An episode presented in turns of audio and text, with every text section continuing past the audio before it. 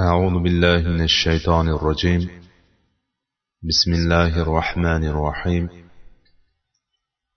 إن الحمد لله نحمده ونستعينه ونستغفره ونعوذ بالله من شرور أنفسنا ومن سيئات أعمالنا.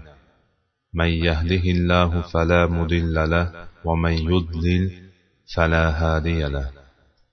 واشهد ان لا اله الا الله وحده لا شريك له واشهد ان محمدا عبده ورسوله اللهم علمنا ما ينفعنا وانفعنا بما علمتنا وزدنا علما وعملا يا رب العالمين آمين o'tgan darsimizda tarixni o'rganishning ahamiyati mo'g'ullar dunyoga chiqqan vaqtda olamning ahvoli islom ummatining holati va salibchilarning holati kabi mavzular haqida gaplashgan edik. Bugun inshaalloh suhbatimizni kelgan joyidan davom ettiramiz. Yer yuzidagi o'lchovni butkul o'zgartirib yuborgan yangi uchinchi kuch dunyoga keldi. Dunyo xaritasini tamoman o'zgartirdi. Yer kurrasida uchinchi kuch degan nomni balki hijriy yettinchi asr boshlarida olamda birinchi kuch degan nomni so'zsiz qozongan bu kuch tatar yoki mo'g'ul davlati edi. Mo'g'ul davlati hijriy yettinchi asr boshlarida olti yuz uchinchi yil melodiy bir ming ikki yuz oltinchi yilda paydo bo'ldi. Ular chingizxon boshchiligida mo'g'ulistondan kelib chiqdi. Chingizxon yengilmas shohanshoh pahlavon degan ma'nolarga dalolat qilib uning asli ismi timujin edi. Sarkarda qonxo'r zolim va qahri qattiq bo'lib unda zo'r boshqaruvchilik xususiyati mavjud edi. Dastlab mo'g'ulistonni qo'lga oldi. So'ng sekin asta atrofdagi yerlarni ham egallab bordi. Qisqa vaqt ichida mamlakati kengayib ketdi. Hatto uning hududi sharqdan koreyadan boshlanib g'arbdan xorazm davlatigacha shimoldan sibir sohillaridan boshlanib janubdan xitoy dengizigacha yetdi. Oz yillar ichida xitoyni to'liq egalladi. Xitoyni mo'g'ulistonni vyetnamni koreyani kambodjani tailandni va sibirning atroflarini qo'shib oldi xitoy yer maydonining o'zginasi taqriban to'qqiz million kilometr kvadratga teng. Mo'g'ul va tatar nomlari mo'g'ulistonning gobi sahrolarida yashagan qavmlarga nisbatlanadi. Ismoil xolidiyning islom olami va mo'g'ul yurishi nomli kitobida mo'g'ul qabilalari g'arbdan osiyoning o'rtasida joylashgan jayhun va sayhun. Hozirgi kundagi amudaryo va sirdaryo atrofidan to sharqdan xitoy tog'lari hududigacha va osiyoning shimoli sharqiy tomonining yuqorisigacha bo'lgan mintaqalarda yashagani bayon qilinadi. Mo'g'ullar shu mintaqadagi qabilalarning asllaridir. Doktor rog'ib sirjoniy fikriga ko'ra ulardan mo'g'ul turk saljuq va boshqa qabilalar kelib chiqqan.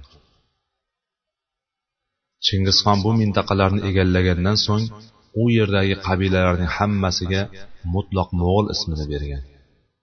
Doktor ali muhammad sallabiy al mo'g'ul baynal intishar val intisor kitobida keltirishicha mashhur yevropalik tarixchi sharqshunos olimlardan rossiyalik bret shneyder va bartold almaniyalik syular angliyalik boyl va boshqalar tatar va mo'g'ul orasidagi farq borligini bildirishgan. Musulmon tarixchisi roshididdin al vazir jamiyut tavarix tarixlar jomiyasi kitobida bunga ishora qilgan. Shuningdek bir necha yevropa tillariga nemischa ruscha fransuzcha va inglizchaga tarjima qilingan. Xitoy tarixchisi yozgan mo'g'ullar tarixining siri kitobida ham mana shu bayon qilingan. Muhammad sallabiy fikriga ko'ra mo'g'ul boshqa tatar boshqadir. Lekin ular orasidagi bog'liqlikni topish mumkin. Qisqacha qilib aytganda tatarlar mo'g'uldir ammo mo'g'ullar tatar emas. Tatarlar mo'g'ullardan kelib chiqqan. Mo'g'ullar tatarlardan kelib chiqmagan. Millatning asllari tatar emas mo'g'uldir. Chingizxon mo'g'ullarga boshliq bo'lgan kezlarda u tatarlar ustidan g'olib kelib erkaklarini qirib tashlagan ayollarini tahqirlagan va bolalarini qul qilgan edi. Shuning uchun tatarlarning mo'g'ullarga aralashib ketganini ko'ramiz. Saltanat mo'g'ullar qo'lida edi. Ular o'zlari uchun imperatorlik tuzdi. Tarixda bu imperatorlik tatar emas mo'g'ul imperatorligi deb tanildi deb yozadi doktor ali muhammad sollaviy mo'g'ullar mustaqil dinga tobe bo'lmay bir qancha dinlardan uyushgan dinga ergashar edilar. Chingizxon islom otashparastlik butparastlik va boshqa o'ziga ma'qul kelgan qonunlarni bir kitob shaklida yig'di so'ngra uni mo'g'ullarga dastur qildi. Bu kitobning nomi manbalarda yoziq yasik yasa deb keltiriladi. Ibn kasir rahimaulloh al bidaya va nihoya kitobida mo'g'ullarning dasturi bo'lgan yasa kitobidagi ba'zi hukmlarni juvayniydan shunday naql qiladi.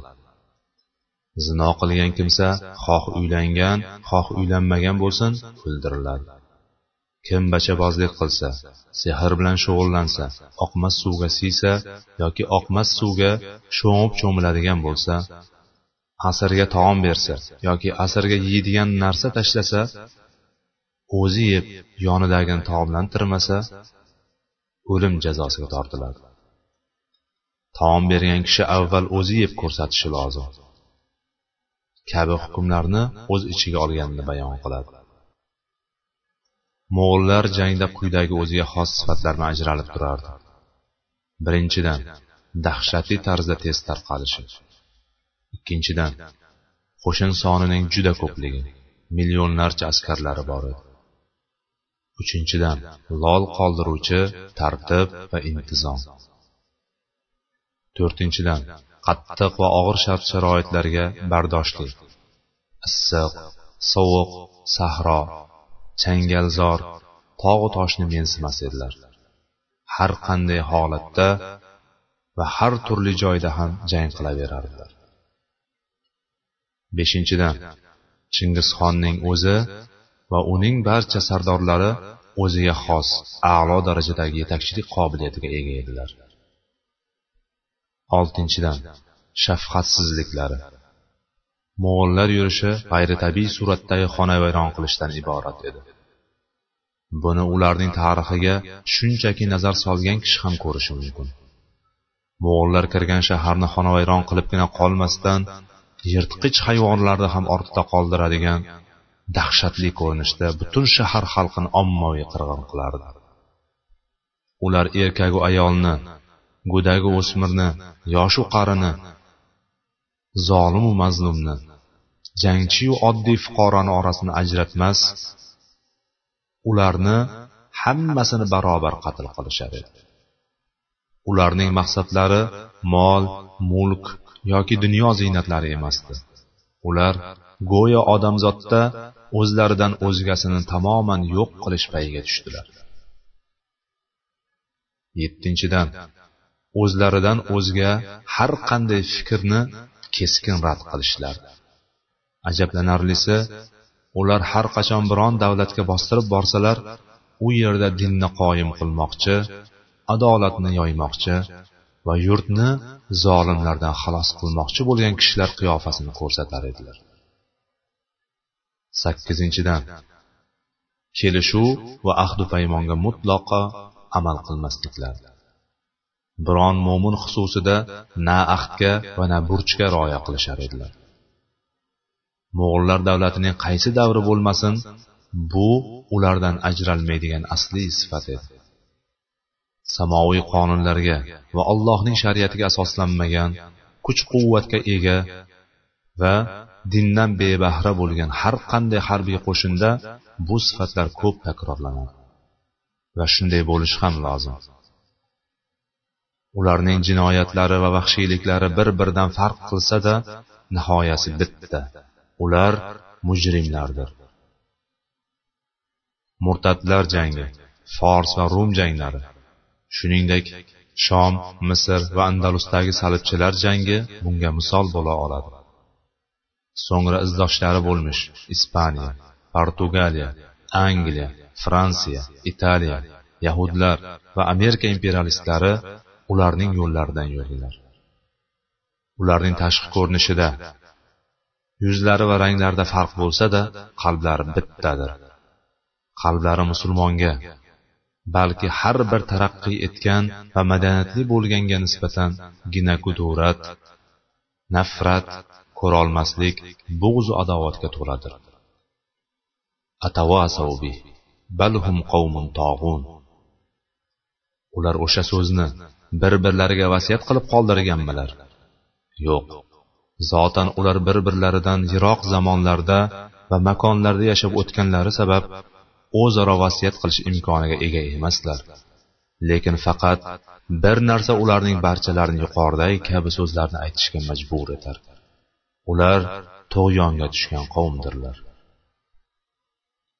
xullas hijriy yettinchi asr ya'ni melodiy o'n uchinchi asr boshlarida yer kurrasida uchta hukmron kuch bor edi. Birinchisi islom ummatining kuch quvvati bo'lib bu kuch buyuk tarix va dongi chiqqan yutuq va g'alabalar sohibi edi. Biroq ayni vaqtda zaiflik kunlarini boshdan kechirayotgan edi. Bu zaiflik jiddiy tus olsa da ummatning haybatini tamoman yo'qqa chiqarmagan edi.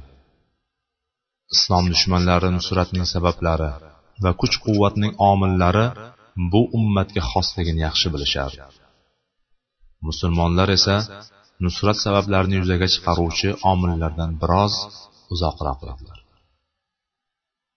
ikkinchi kuch salibchilar kuch quvvati bo'lib ular ham zaiflik bosqichida edi. islom ummatiga nisbatan ilmi fan va taraqqiyotda ancha orqada edi shunday bo'lsa-da ularning adadini va musulmonlarga qarshi qalblarda saqlagan bug'zi adovatlarni cheksizligidan ogoh bo'lishdan o'zga chora yo'q edi ولا يزالون يقاتلونكم حتى يردوكم عن دينكم إن استطاعوا ular qo'llaridan kelsa to diningizdan qaytargunlaricha sizlar bilan urushaveradilar qadimgi kuchlar islom ummati va salbchilar kuch quvvati raqobatlashib kelgan maydonda uchinchi yangi quvvat dunyoga keldi. U mo'g'ullar kuch quvvati edi. Bu quvvat vahshiy kuch bo'lib na tarixga va na madaniyatga ega edi. U to'satdan o'rtaga chiqdi. Uning boshqalardan ustun bo'lishiga sabab bo'ladigan biron ilmiy madaniy va diniy asosi yo'q edi. Shuning uchun shafqatsiz urush beayov zarbaga tayanishdan boshqa chorasi yo'q edi. Yer yuzidagi turli kuchlar o'rtasida urushlar yuzaga kelishi har xil firqalar orasida bir biriga bosim o'tkazilishi shuningdek dindan bebahra kuch quvvatga molik bo'lganlarning o'z atroflarida kuchsizlar bor bo'lishini hargiz istamasliklari va ularga mutlaqo rahm shafqat qilmasliklari alloh taoloning xalqlar ustida joriy qilgan qonunidir yana botilning bir talay ko'rinishlari bo'lib ularning mafkura yo'nalish va dunyoqarashlari bir biridan farq qilsa da haqqa qarshi jang qilishda jamlanishi shartligi shuningdek haq bilan botil o'rtasidagi jangning qiyomatgacha davom etishi alloh azza va jallaning qonunidir. Bu qonunlar zehnimizda turarkan mo'g'ullar bilan salibchilarning yo'nalishlari siyosatlari va dunyoqarashlari turlicha bo'lsa-da musulmonlarga qarshi jangda ular o'rtasida o'zaro hamkorlik yuzaga kelishini tasavvur qila olamiz.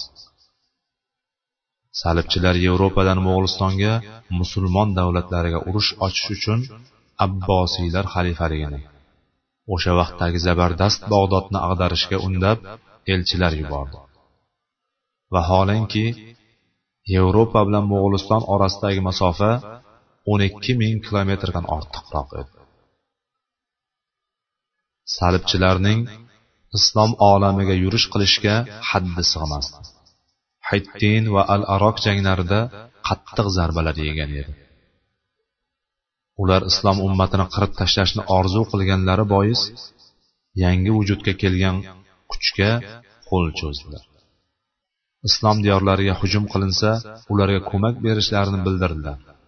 Mo'g'illar g'ururlanib yanada mustahkam oyoqqa turdi salibchilar reja qilgan natija hosil bo'ldi. Abbosiylar xalifaligining bisotidagi mol mulkka mo'g'ullarning so'lagi oqdi. Boyliklarga va saxovatga to'la bu keng diyorga yurish qilishga qaror qildilar. Mo'g'ullar salibchilar bilan juda ko'p ishlarda kelishmasada islomga va musulmonlarga qarshi bo'lgan jangda saflarini birlashtirdilar. Bu janglardan keyin mo'g'ullar olamning turli yerlarida salibchilarga qarshi urush qildi va ularni ham qirg'in qildi. Buning ajablanarli yeri yo'q. Balki bu botil ahlining musulmonlarga qarshi jang qilishdagi o'zgarmas sunnatidir. Yahudlar e'tiqodi bilan mushriklar e'tiqodi o'rtasida katta farq bo'lishiga qaramay bundan ilgari yahudlar rasululloh sollallohu alayhi vasallamga qarshi mushriklar bilan hamkorlik qilgani hech kimga sir emas. Fors va rum davlatlari o'rtasidagi adovat cheksiz bo'lishiga qadimda muntazam urushlar qilib kelganiga qaramasdan musulmonlarga qarshi o'zaro hamkorlik qilishdi. Shuningdek inglizlar va yahudlar o'rtasida mislsiz dushmanlik bo'la turib usmoniylik xalifatini to'ntarishda va falastinni mustamlaka qilishda va isroil bu muborak yerlarga o'rnashib olishida o'zaro hamkorlik qilishdi. Bugun esa rossiya bilan amerika bir birlariga qarama qarshi bo'lsalar ham musulmonlar ziddiga ko'z oldilarida islomiy terrorizm degan g'oyib dushman yasab unga qarshi bir yoqadan bosh chiqardi. Ular o'z dushmanlarini ko'ngillari tusagan yerdan topdilar. Va topib kelmoqdalar. Botil ahlining musulmonlar ziddiga birlashishi doimiy qonundir. Shuning uchun musulmonlar dushmanimning do'sti dushmanimdir qabilidagi gaplariga tayanib ish qilish to'g'ri bo'lmaydi. Balki musulmonlar dushmanlarining do'stlaridan tashqari uning dushmanlarini ham bilishlari kerak chunki dushmanining dushmani ham o'zining dushmani bo'lish ehtimoli bor. Musulmonlar ba'zan dushmanlari bilan o'ziga xos maqsadlar yuzasidan va muayyan muddatga kelishuv tuzishi mumkin. Lekin bunda dinda chuqur ketish va haqlarni huquqlarni yengil sanash to'g'ri bo'lmaydi. Balki o'ta ogohlikni tutgan holatda. Ma'lum muddatgagina bo'lib ish do'stlashuv sadoqat va haq huquqlarni unutishga borish yaramaydi. ولن ترضى عنك اليهود ولا النصارى حتى تتبع ملتهم yahudiy va nasroniylar ularning diniga kirmaguningizgacha hargiz sizdan rozi bo'lmaydilar mo'g'ullar islom olamiga yurish qilishga yangitdan fikr yuta boshladi besh asrdan buyon islom xilofatining poytaxti bo'lgan bag'dodga kirish va uni ag'darish ishtiyoqi bilan reja tuza boshladi afg'oniston va o'zbekiston mintaqalarida joylashishni o'rnashishni fikr qildilar. Bugun bu hodisalar batamom takrorlanmoqda. Bu bilan alloh subhanava taolo o'zining qonunlarini o'zgarmaydigan va almashtirilmaydigan barqaror ekanini miyamizga jo qilishni mustahkam jo qilishni xohlaydi musulmonlarning yengilishi va fojiasining sababi mo'g'ullarning kuchliligi va ularning adadining ko'pligida emas balki yengilishining sababi musulmon mamlakatlar o'rtasidagi bo'linish tarqoqlik va guruhlarga ajralib ketishlari edi ولا تنازعوا فتفشلوا وتذهب ريحكم واصبروا إن الله مع الصابرين va o'zaro talashib tortishmangizki u holda sustlashib kuch quvvatingiz ketur sabr toqat qilingiz Albatta olloh sabr qilguvchilardan birigadir. Alloh taolo suslashish va kuchsizlanishning sababini talashib tortishishda qildi. O'sha paytlar musulmonlar muntazam talashib tortishishda va doimiy ixtilofda edilar. Mo'g'illar bilan vaqtinchalik sulhda bo'lgan vaqtlarida musulmonlar bir birlariga hujum uyushtirishar bir birlarini asir olishar va bir birlarini o'ldirishar edilar. Ularga bu holatda nusratning kelmasligi ma'lum narsa edi.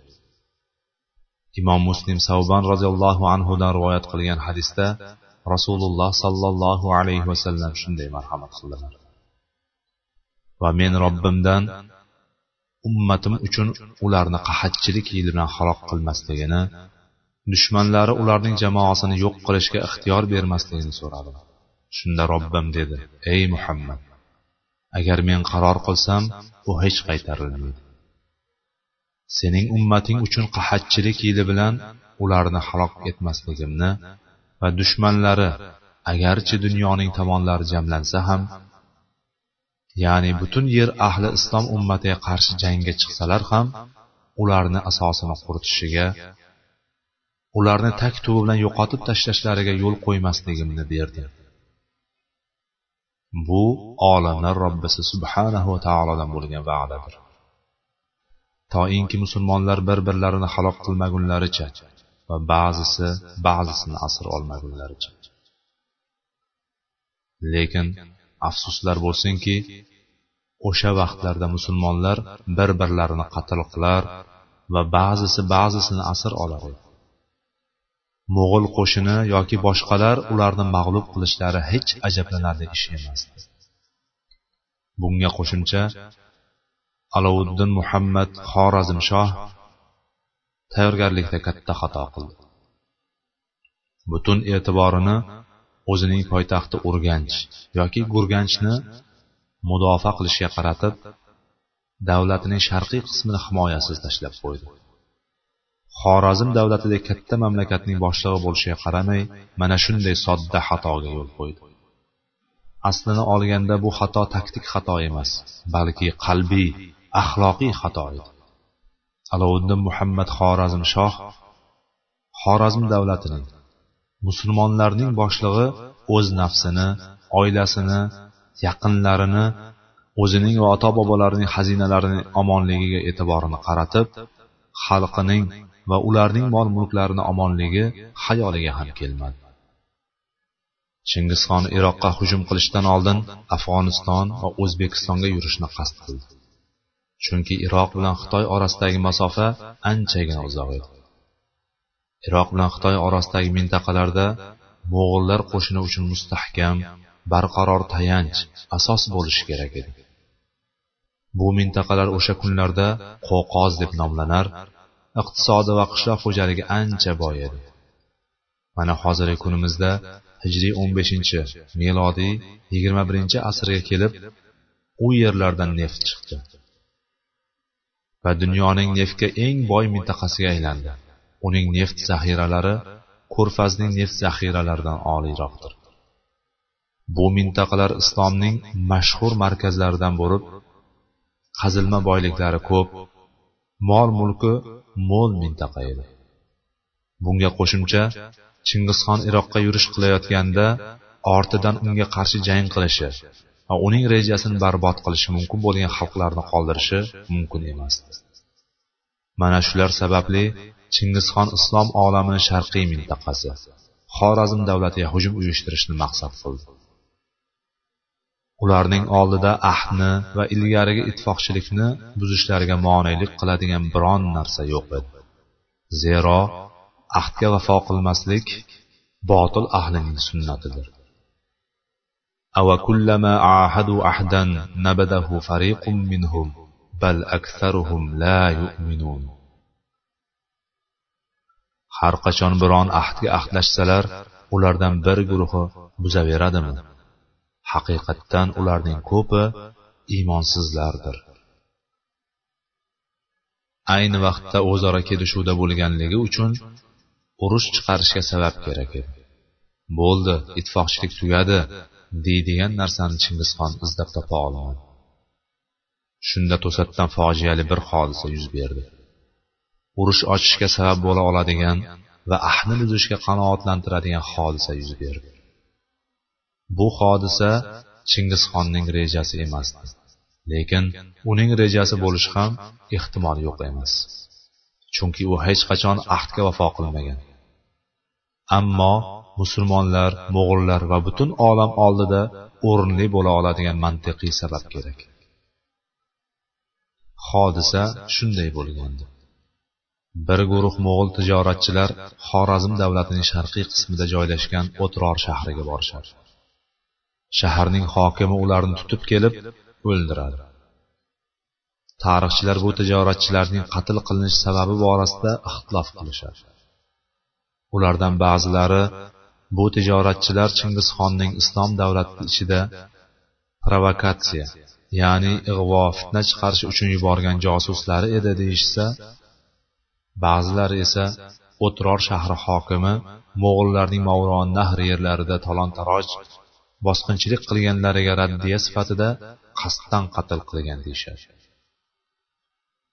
Boshqalar chingizxon atay xorazm davlatiga urush qilishga bahona bo'lish uchun o'sha tijoratchilarni o'ldirib kelish uchun odam jo'natgan deyishsa va yana boshqalari o'tiror shahri hokimi tijoratchilarning mol mulkiga tama qilib o'ldirgan deydi. Bu ehtimollarning barchasi tarix sahifalarida kelgan.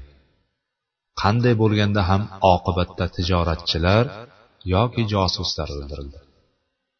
Bu xabar chingizxonga yetib kelganda u xorazmshohga qotillarni topshirishini va ularni o'zi hukm qilishini anglatgan maktub yo'lladi. Lekin alovuddin xorazmshoh buni islom davlatining boshlig'iga nisbatan haqorat haddan oshish deb sanadi va jinoyat sodir etgan musulmonni boshqa davlatga va boshqa shariatda hukm qilinishi uchun topshirmadi va chingizxonga agar musulmonlardan birontasining mo'g'ul tijoratchilarini o'ldirganligi isbot etilsa o'z yurtida va shariat islomiyaga ko'ra hukm qilinishini aytdi. Uning bu gapi mantiqan to'g'ri va butun yer yuzida maqbul ham edi qaysi davlatda biror jinoyat sodir etilsa jinoyatchi o'sha davlatning qonuniga ko'ra jazo oladi. Boshqa davlatda va boshqa davlatning qonuniga ko'ra emas albatta. Chunki bir davlatda jinoyat sanalgan ishlar boshqa davlatda jinoyat sanalmasligi yoki jinoyat sanalsada jarimasi ya'ni jazosi farq qilishi turgan boshqacha qilib aytganda somsaning pulini somsa yegan joyga o'talinadi chingizxon xorazmshohning javobi qanchalik haqiqat mantiqan to'g'ri ekanini bilsa-da uning maqsadi islom diyorlariga bostirib kirish islom o'lkalarini egallab olish va shunga yo'l qidirish edi tijoratchilarning o'ldirilishi bunga bahona bo'ldi. Qo'rqinchli mo'g'ul bo'roni islom diyorlariga qarab esa boshladi. Chingizxon o'zining katta qo'shini bilan xorazmshoh davlatiga birinchi mo'g'ul yurishini qildi. Xorazmshoh ham uni qarshilab olishga chiqdi. Bu voqea hijriy 616 milodiy 1219 yilda sodir bo'ldi. Ya'ni mo'g'ul davlati vujudga kelganidan 13 yil o'tgandan keyin sodir bo'ldi. Ma'lumingizki mo'g'ul davlati hijriy 603 milodiy 1206 sanada tashkil topgan edi. Lekin shu qisqa vaqt ichida taqriban butun sharqiy osiyoni egallab bo'lgan faqat xorazm davlatigina qolgan edi. Alovuddin muhammad xorazmshoh qo'shini bilan mo'g'ul qo'shini xorazm davlatining sharqida yoki xitoyning g'arbida sirdaryo daryosining sharqida to'qnashdi. Jang to'rt kun davomida shiddatli tusda davom etdi. Ikki tomondan ham ko'p xalq o'ldi musulmonlar yigirma ming shahid berdi. Mo'g'illardan o'ldirilganlar soni bundanda ko'proq edi. So'ngra jang to'xtab tomonlar ikkiga ayrildi. Ikkiga ajralgandan keyin alovuddin muhammad xorazmshoh mo'g'ullarning soni juda katta ekan deb hisoblab davlatining markazi urganchga qaytdi va urganchning qo'rg'onini mustahkamlashga kirishdi. Mamlakatining atrofidan qo'shin to'plash bilan mashg'ul bo'ldi. Ayni paytda iroqdagi abbosiylar xalifaligidan ajralib olgan va unga bo'ysunmasdan unga bosh ko'targan. Edi shuningdek boshqa islom mamlakatlari bilan ham ittifoqchiligi yo'q. Turklar saljuqiylar hindistondagi g'uriylar bilan aloqasi yomon edi. Bir so'z bilan aytganda boshqa islom davlatlaridan ajralib qolgan edi. Endi mo'g'illarga qarshi yolg'iz o'zi jang qilishi kerak. Xorazm davlati agarchi kuchli katta va birinchi hamlada sobit turgan bo'lsa-da yakka o'zi mo'g'ullarning to'xtovsiz hujumlariga bardosh berolmasligida shak shubha yo'q edi. Bundan so'ng chingizxon qanday yo'lni tanladi? Xorazm davlatiga hujumini qaysi tomondan boshladi? Samarqand va buxoro shaharlarida qanday qirg'inlar va vahshiyliklar sodir etdi buxoro va samarqand ahli mo'g'ullarni qanday qarshiladi? Bu va shu kabilarni kelasi darsimizda o'rganamiz inshaalloh. Alloh subhanava taolodan uning yer yuzida joriy qilgan qonunlarini bildirishini manfaatli bo'lgan ilmni ta'lim berib ta'lim bergani bilan foydalantirishini va tarixni bizlarga ibrat qilishini so'raymiz. Albatta bu allohning qo'lida va u bunga qodir zotdir.